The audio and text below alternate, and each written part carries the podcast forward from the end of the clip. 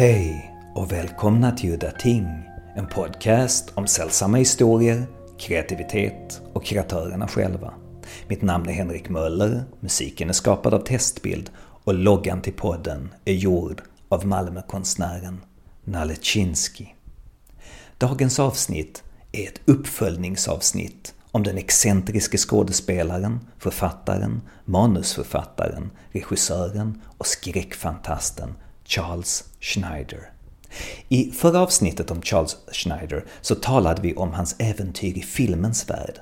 I dagens avsnitt ska vi tala om litteraturen. Skräcklitteraturen såklart. You are in our mutual friend Darren Coelho's Clark Ashton Smith documentary, The Emperor of Dreams. That's, by the way, the first time I saw you. And um, how did you discover Clark Ashton Smith?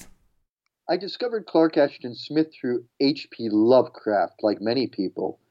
And uh, Lovecraft, I discovered, I think, uh, at a local bookstore, stumbling upon early Ballantine paperbacks with really grotesque covers, early Arkham House books, the selected letters. But it was truly Lovecraft's personality that I immediately identified with.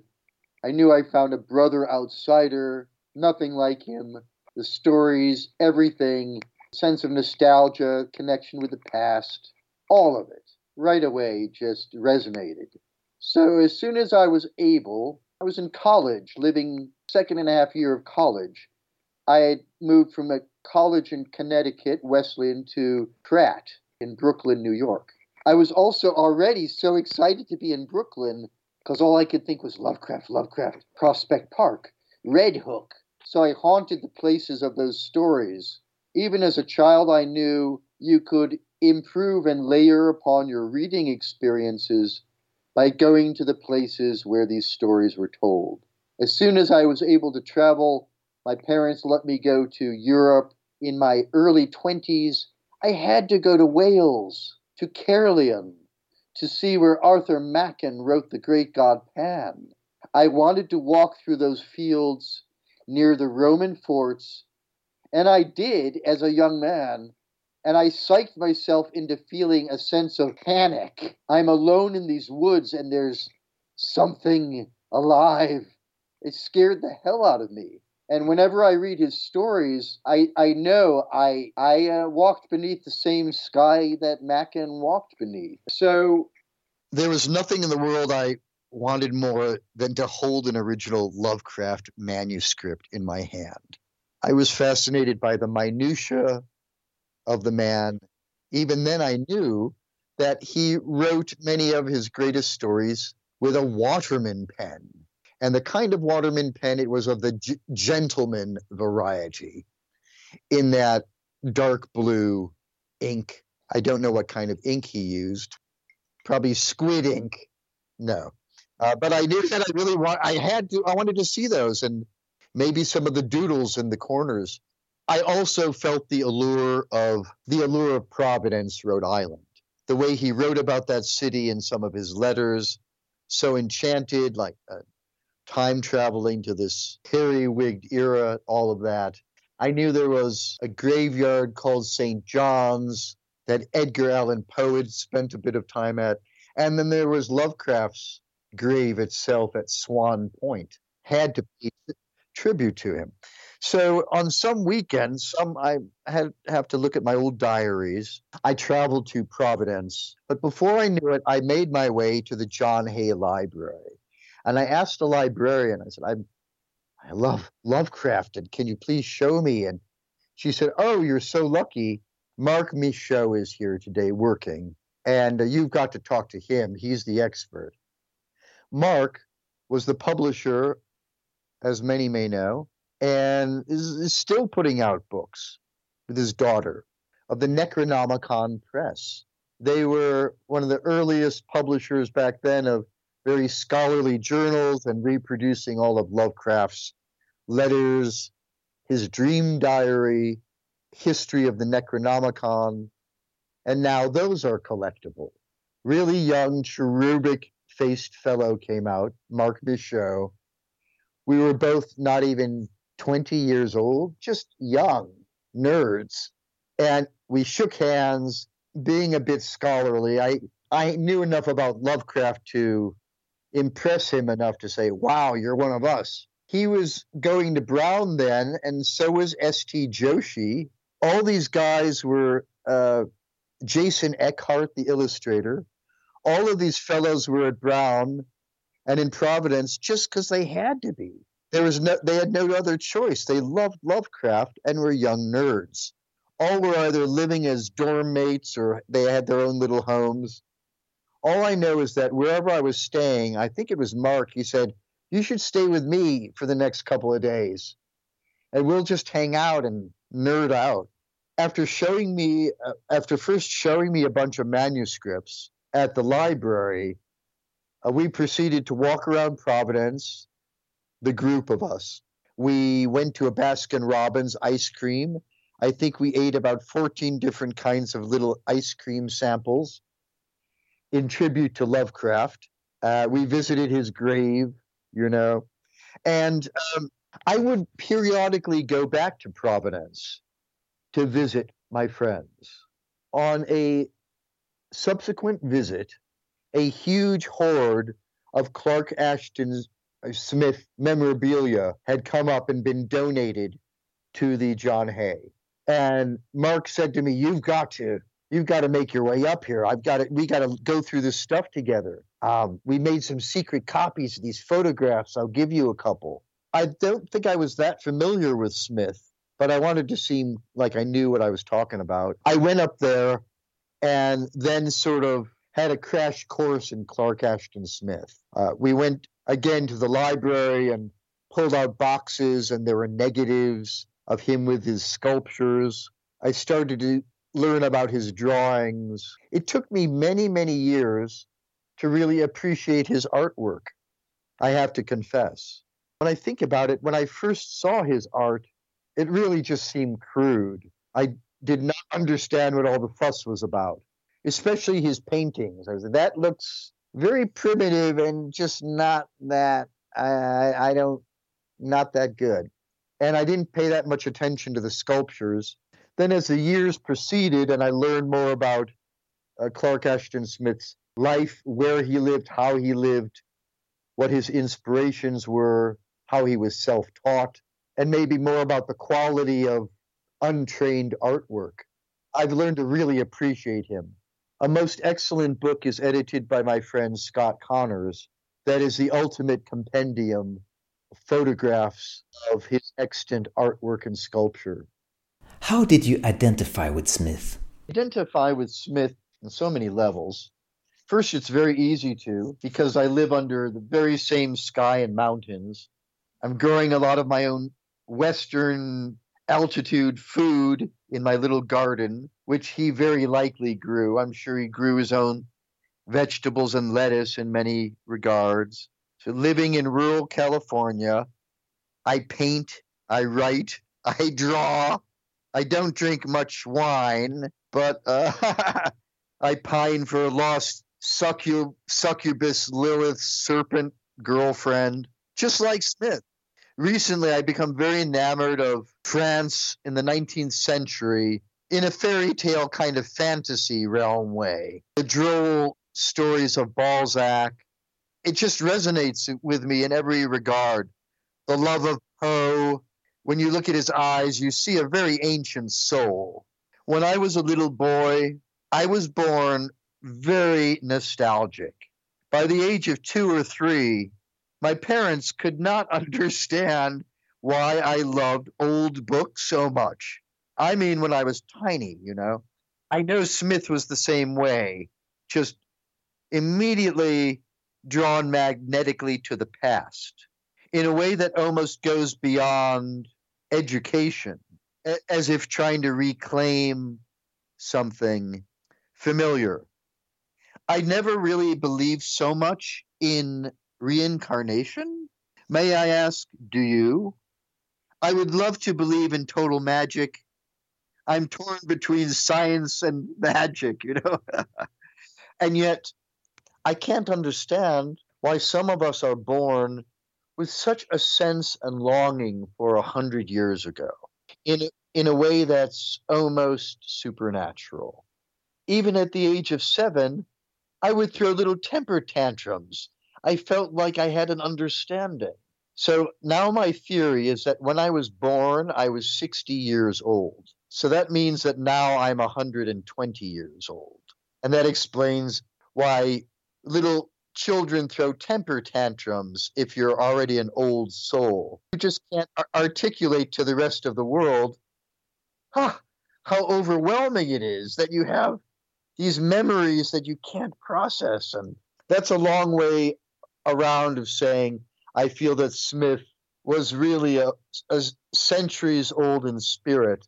And oh, the education of reading a dictionary and having such a command of language.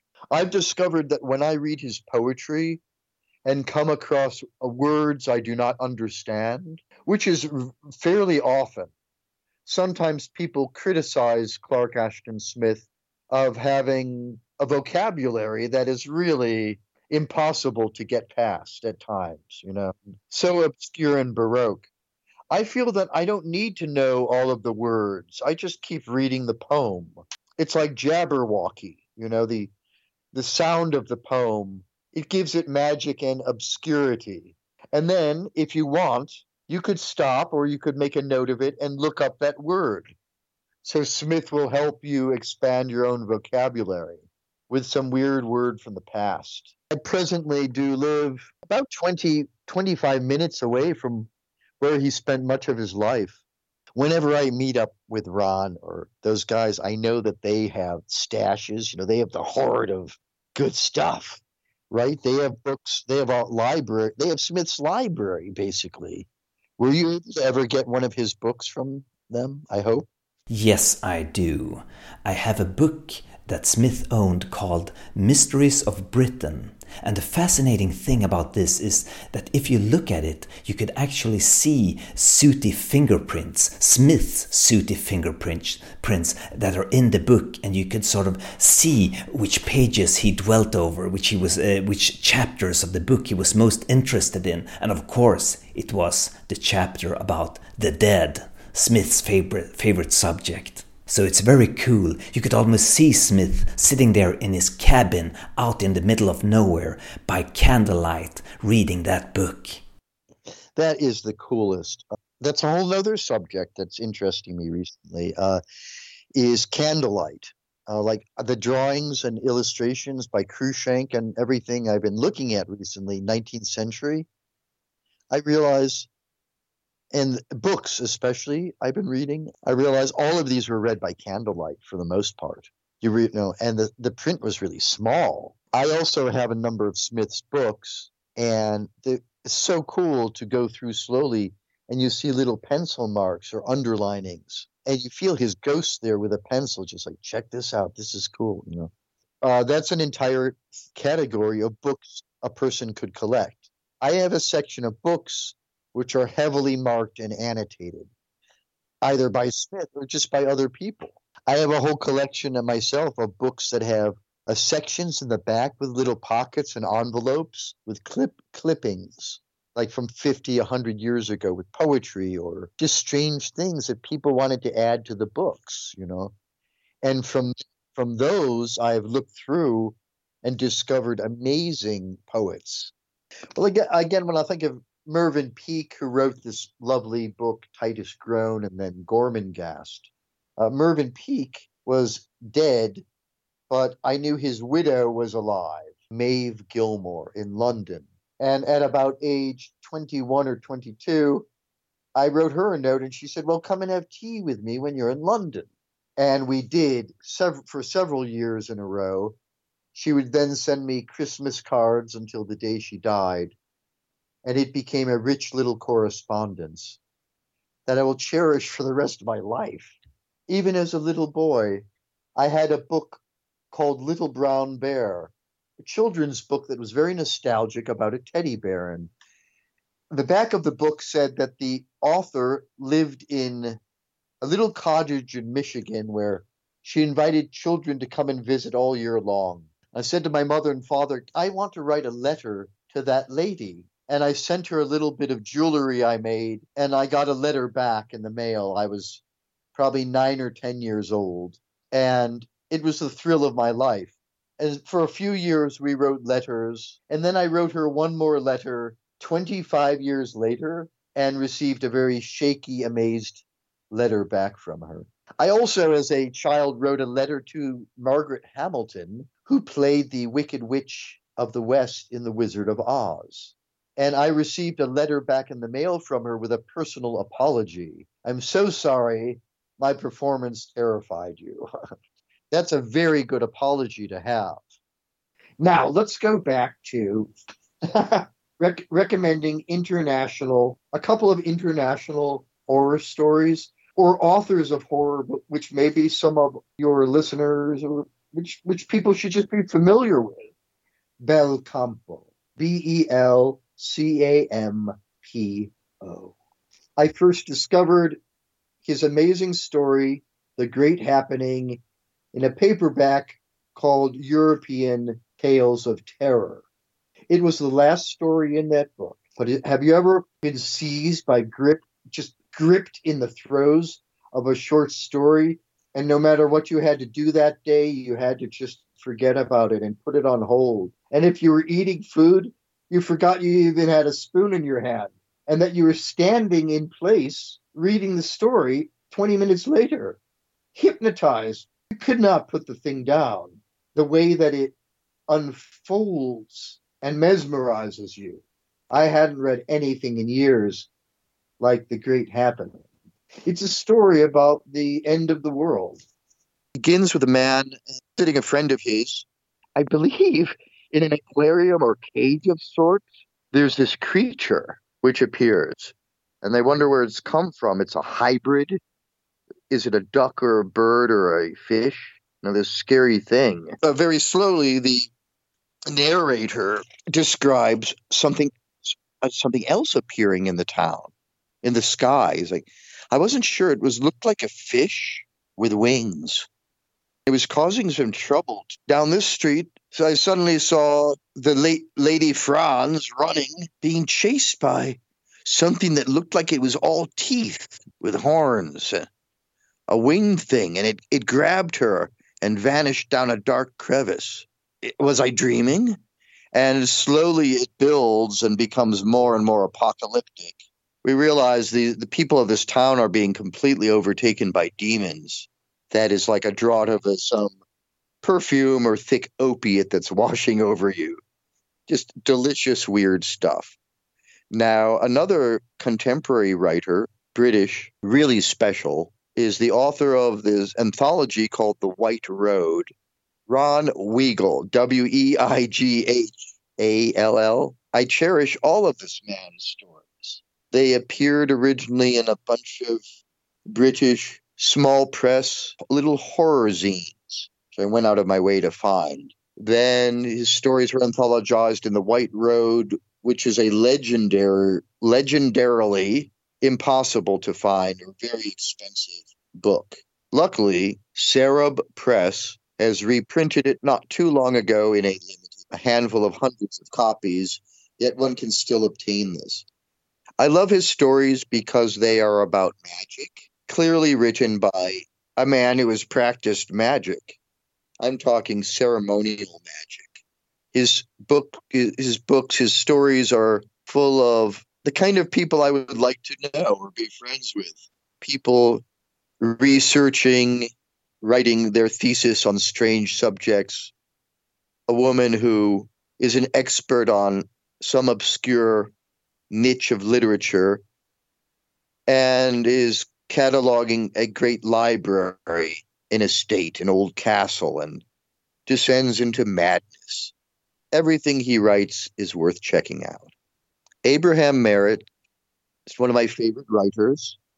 You cannot go wrong reading A. Merritt if you love fabulous escapist stories about explorers or people who alter their consciousness and end up in Atlantis like fabulous cities or worlds in which suddenly they must become a hero. L.A. Lewis is such an interesting, terrifying genius of horror f- fiction that I almost want to keep him for myself, but I won't. A number of years ago, I purchased a book published by Ghost Story Press, which was David Tibet of the incredible musical group Current 93. And he has such impeccable taste as well in the weird that David Tibet, for quite a number of years, released fabulous vintage horror stories under his Ghost Story Press. I was lucky enough for a book entitled Tales of the Grotesque, subtitled A Collection of Uneasy Tales by L.A. Lewis, limited to 300 copies, published in 1994 and then reprinted in 2003. Now readily available in paperback editions. It is the only book of short stories ever published by Lewis. One other story appeared in a theosophical journal and it was included in uh, the ghost story book. It was called The Author's Tale. In a lifetime of reading and savoring and loving the weird and horror, I have to put this slim volume at nearly the tippity top. When I think about it, very few horror stories have horrified me or made me trem- tremble or been so frightened reading the story I have to close the book. I, I can't take it anymore. That would be a scary. It is similar to the theme we discussed earlier of somebody being possessed by or encountering a double or an entity that threatens to take over or engulf one. The Meerschaum pipe is written in the form of a journal or diary, which is a most excellent grid, it appears, for horror, horror writers. The Mainz Psalter by Jean Ray also appears as a journal. Quite a number of H.P. Lovecraft stories appear as cut and paste fictions where we get uh, fragments of different documents and diary entries. All of this building up to something scary. The Meerschaum Pipe starts out as the diary of a gentleman who's moved to the countryside after some trauma in his life, as so many of our stories begin, a move to the country to settle my nerves. Our protagonist moves into a large estate once owned by a maniac serial killer type. Our hero discovers a meerschaum pipe on the property, and he gets the crazy idea to try to smoke the pipe it seems like such a novel idea to have it cleaned and then to smoke the pipe of a maniac, which is a big, big mistake. Once this happens, a form of p- possession occurs. And because we're reading this in the form of a diary, we're taken into a very dark descent, which ends in the darkest of all decisions. Just when you think you've read everything and nothing's going to surprise you and you've found all the weird writers. You are delighted to discover somebody like Stephen Grabinski, who is sometimes referred to as the Polish Edgar Allan Poe, yet really he had his own style and world view completely. His stories give life to inanimate objects. An entire book is about trains as furious living engines of destruction and strange demonic entities, creatures that exist amongst us if only we have the, the correct glasses to lift the veil and see these things. I have various favorites. I have favorite stories amongst his. I don't want to really even give away the plots. The area is a fantastic story. Strabismus is my personal uh, favorite tale go back to once or twice a year for the sheer pleasure of reading the story. And it involves the theme of the doppelganger. What if we were to encounter somebody who was very similar, too similar to us, yet warped with a bit of a twist? At some point in our lives, all of us have encountered somebody who poses a bit of a threat to us because they're similar yet competitive. We live our lives, but then this person comes along who just knows how to oh, get under your skin. In this case, it goes much further than that. There is a bit of a parallel between Stephen Grabinski and L.A. Lewis. L.A. Lewis was a member of the Theosophists, founded by Madame Blavatsky. This was a some uh, an esoteric spiritual movement starting in the late 19th century. This clearly influenced L.A. Lewis.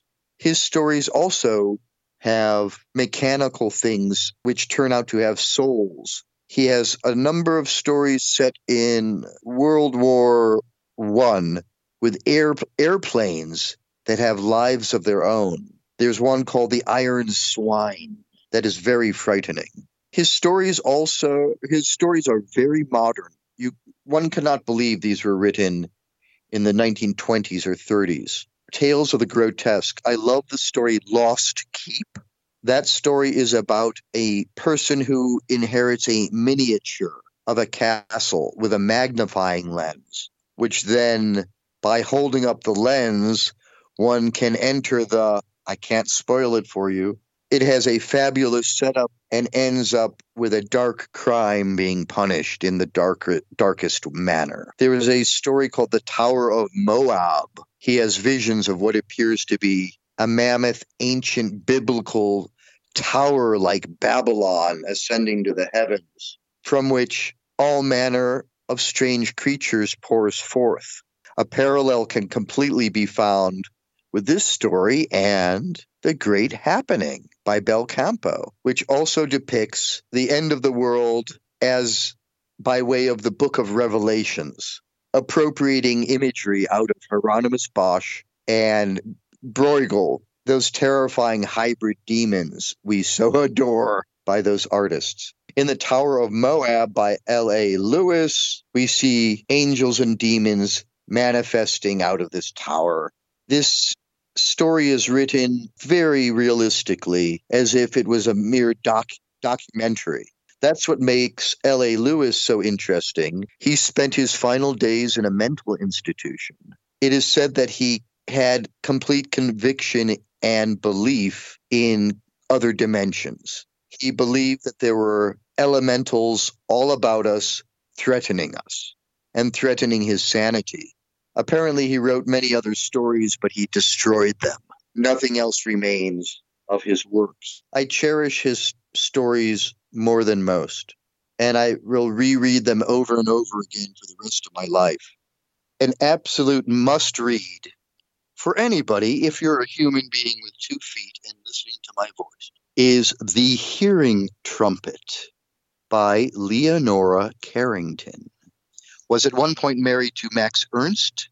The Hearing Trumpet describes an elderly woman's escape from an institution in which she and some other elderly ladies are being watched over by wicked nuns. But they escape to another world full of magic towers from which creatures burst forth and wonderment and the strange. There's not a page that is not delicious and mind expanding. I'll say no more, yet The Hearing Trumpet is a book you'll treasure for the rest of your life also.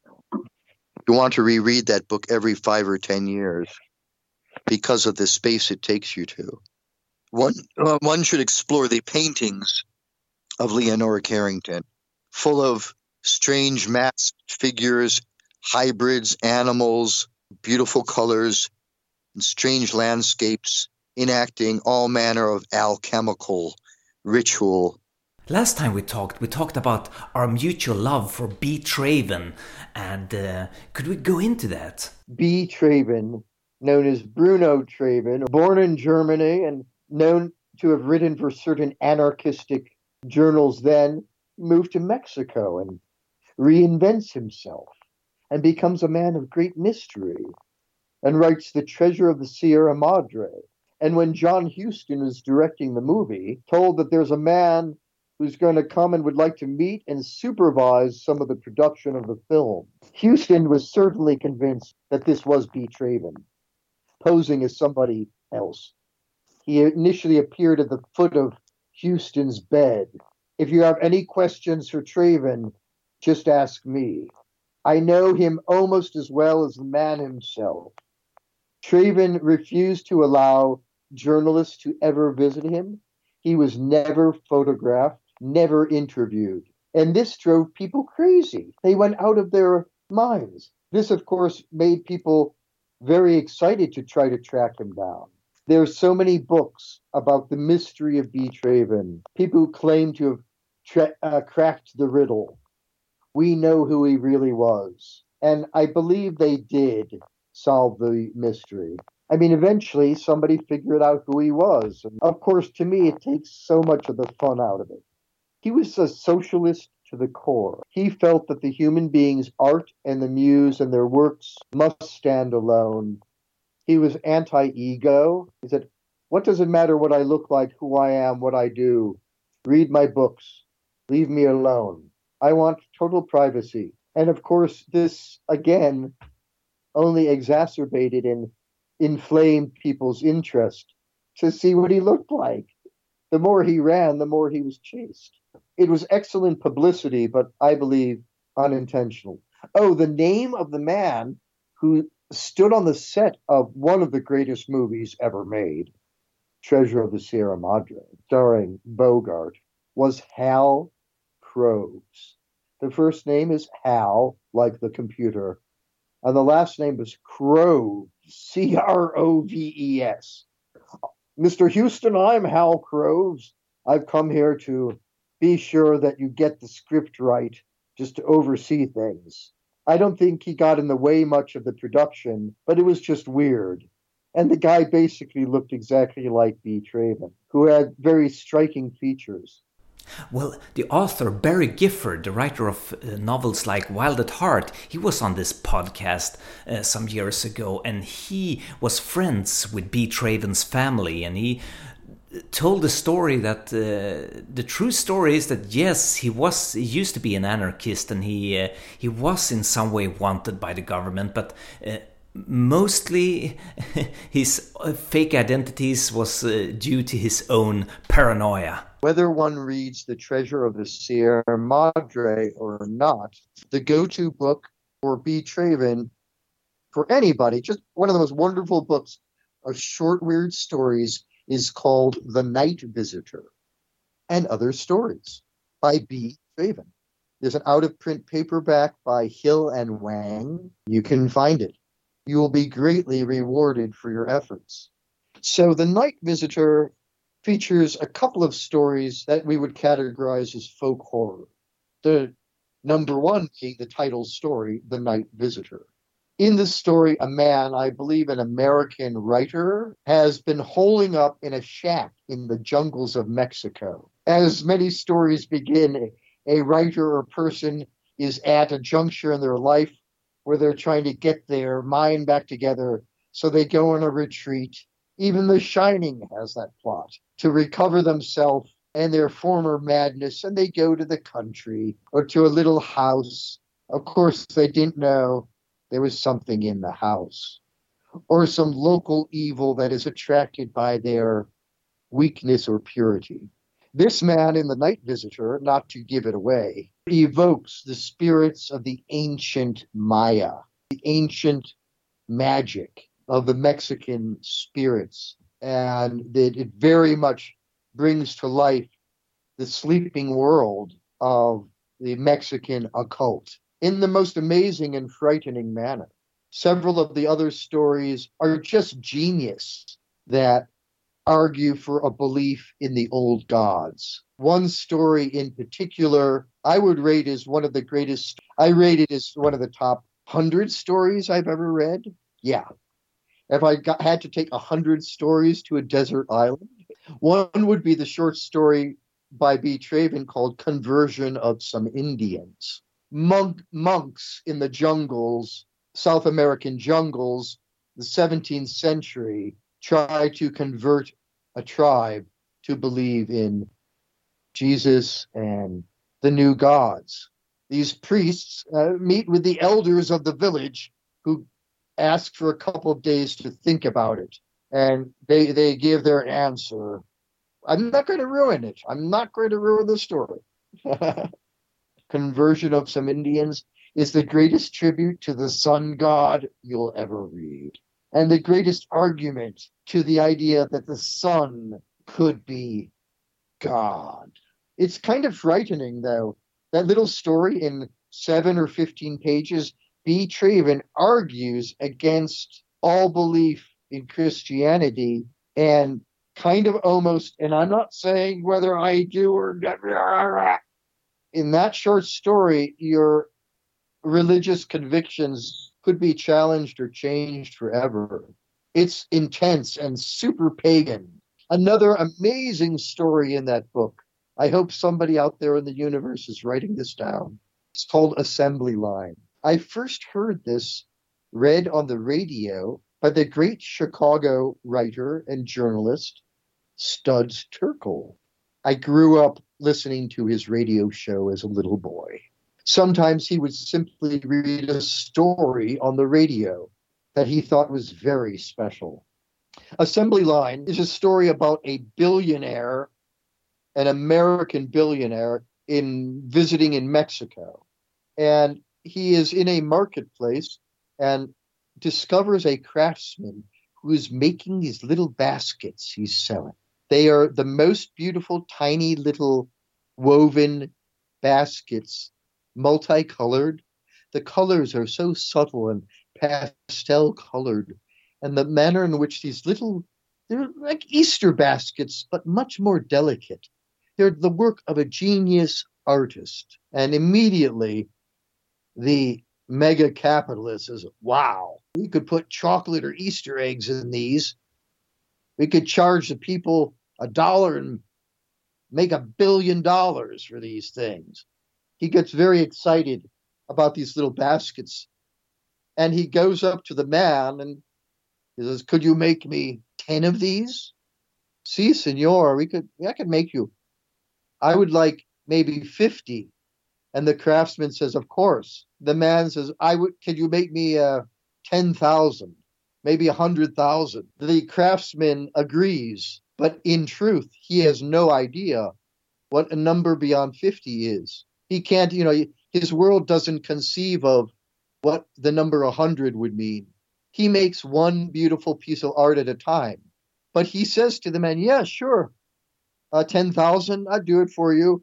And they, they agree upon some kind of a time the businessman comes back to his country, works up the deal with the chocolate company. The money is spent in advance.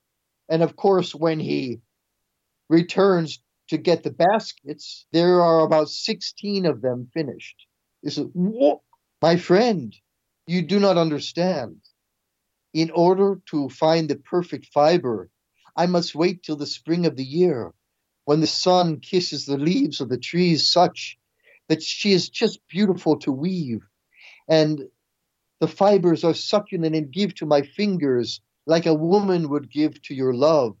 And the colors are so special. It is not just a blue, you see. You know that is the blue of the sky at dawn, when there is between the sun and when the hills begin to kiss the animals of the groves. That is the blue we seek.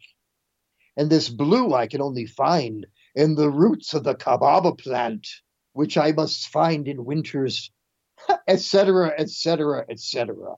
And I must soak the roots in a strange liqueur, and only then does it take the color. After many months, and we bleach it in the sun, and that is why, my friend, it has taken me so long to create. However, give me a bit more time, and the man realizes he is ruined and it's a perfect fable between the artist and the moneymaker.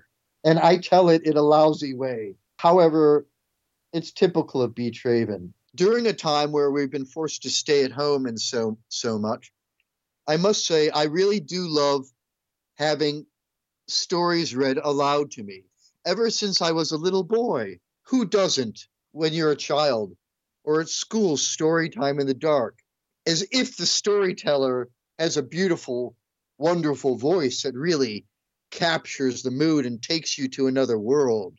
what could be better than to spend a few hours, whether it be somebody reading Sherlock Holmes perfectly, or again, Mervyn Peake, or Dickens, or anything. I've discovered that presently there's some wonderful readers who have covered a lot of old horror stories.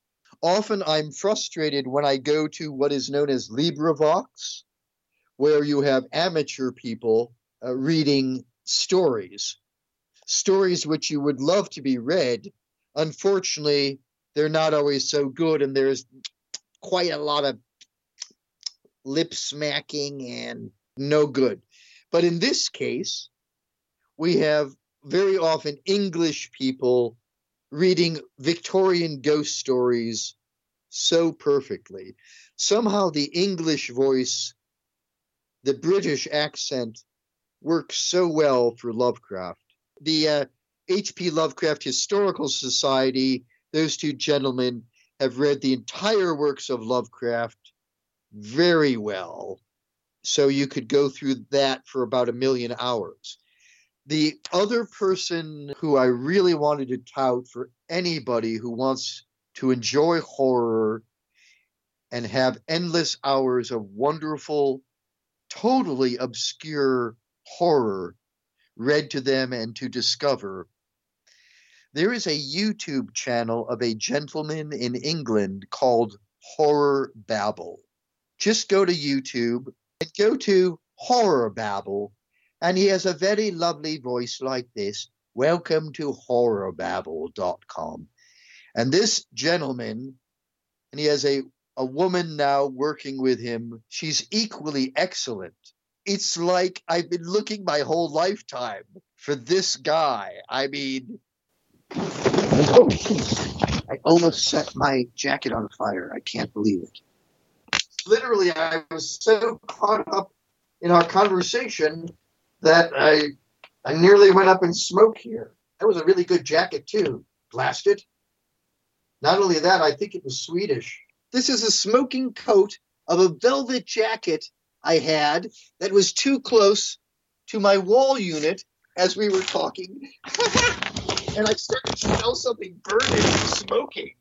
While we're on the subject of speculation here with burning coats, uh, I remember when we talked last time, we never got into it that deep, but uh, we talked about uh, your love for carnival stuff and freak shows. And uh, uh did you ever go when you were a kid to, to a real uh, sideshow or freak show? I missed the era of real freak shows and this kind of thing, although they've certainly come back in many strange, many strange ways. Starting with oh, the Jim Rose Circus sideshow. I first started to notice even David Blaine geek magic. And television now is an endless parade of freak shows and anomalies.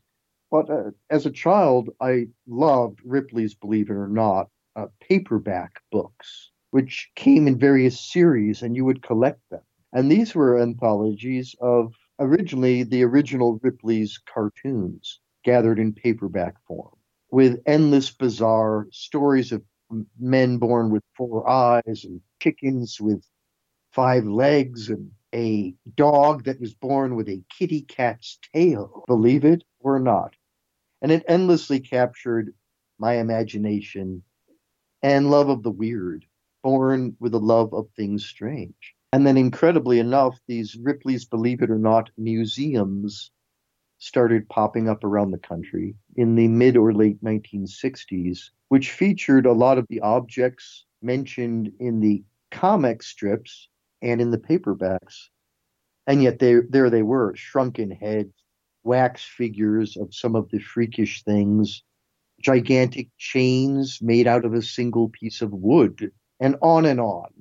But it was a really successful, fun museum back then because it felt more like you're mentioning, the old fashioned carny or carnival. And yet there were no actual living people in there. I don't know really why I did it, but just out of curiosity, just to do it once, I visited Ripley's Believe It or Not in New York, and I was uh, somewhat disappointed, you could say. But... I think they are a little bit less gritty they might feature machines and more optical illusions. But it was a creepy museum back then and very extensive. It felt like it went on and on and on. Ja, och med de orden så får vi sätta stopp för den här gången för att det inte ska fortsätta i all evighet. Det här avsnittet med Charles Snyder är sammansatt av flera tillfällen där vi pratade, tre eller fyra tillfällen. Så att eh, det tog lång tid att plocka ut och sätta samman guldkornen av vad vi pratade om. Eh, och jag hoppas att det har varit roligt och ni har fått lite nya tips, lästips. Ja, mitt namn var Henrik Möller, musiken var skapad av Testbild. Hej då!